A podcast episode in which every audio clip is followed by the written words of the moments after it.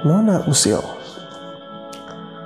Ada seekor angsa yang bukan main usilnya. Setiap kali, selalu ada saja yang dikatakannya kepada binatang lain.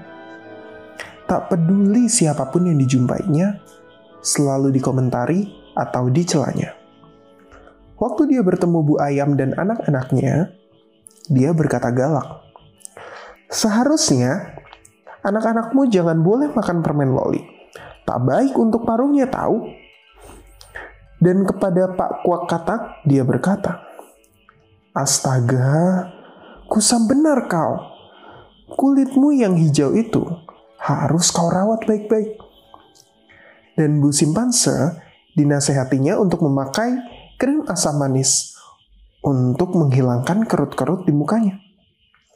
Angsa ini selalu memberi nasihat kepada binatang lain walaupun tidak diminta. Dia selalu mencampuri urusan binatang lain. Karena itu dia dijuluki Nona Usil.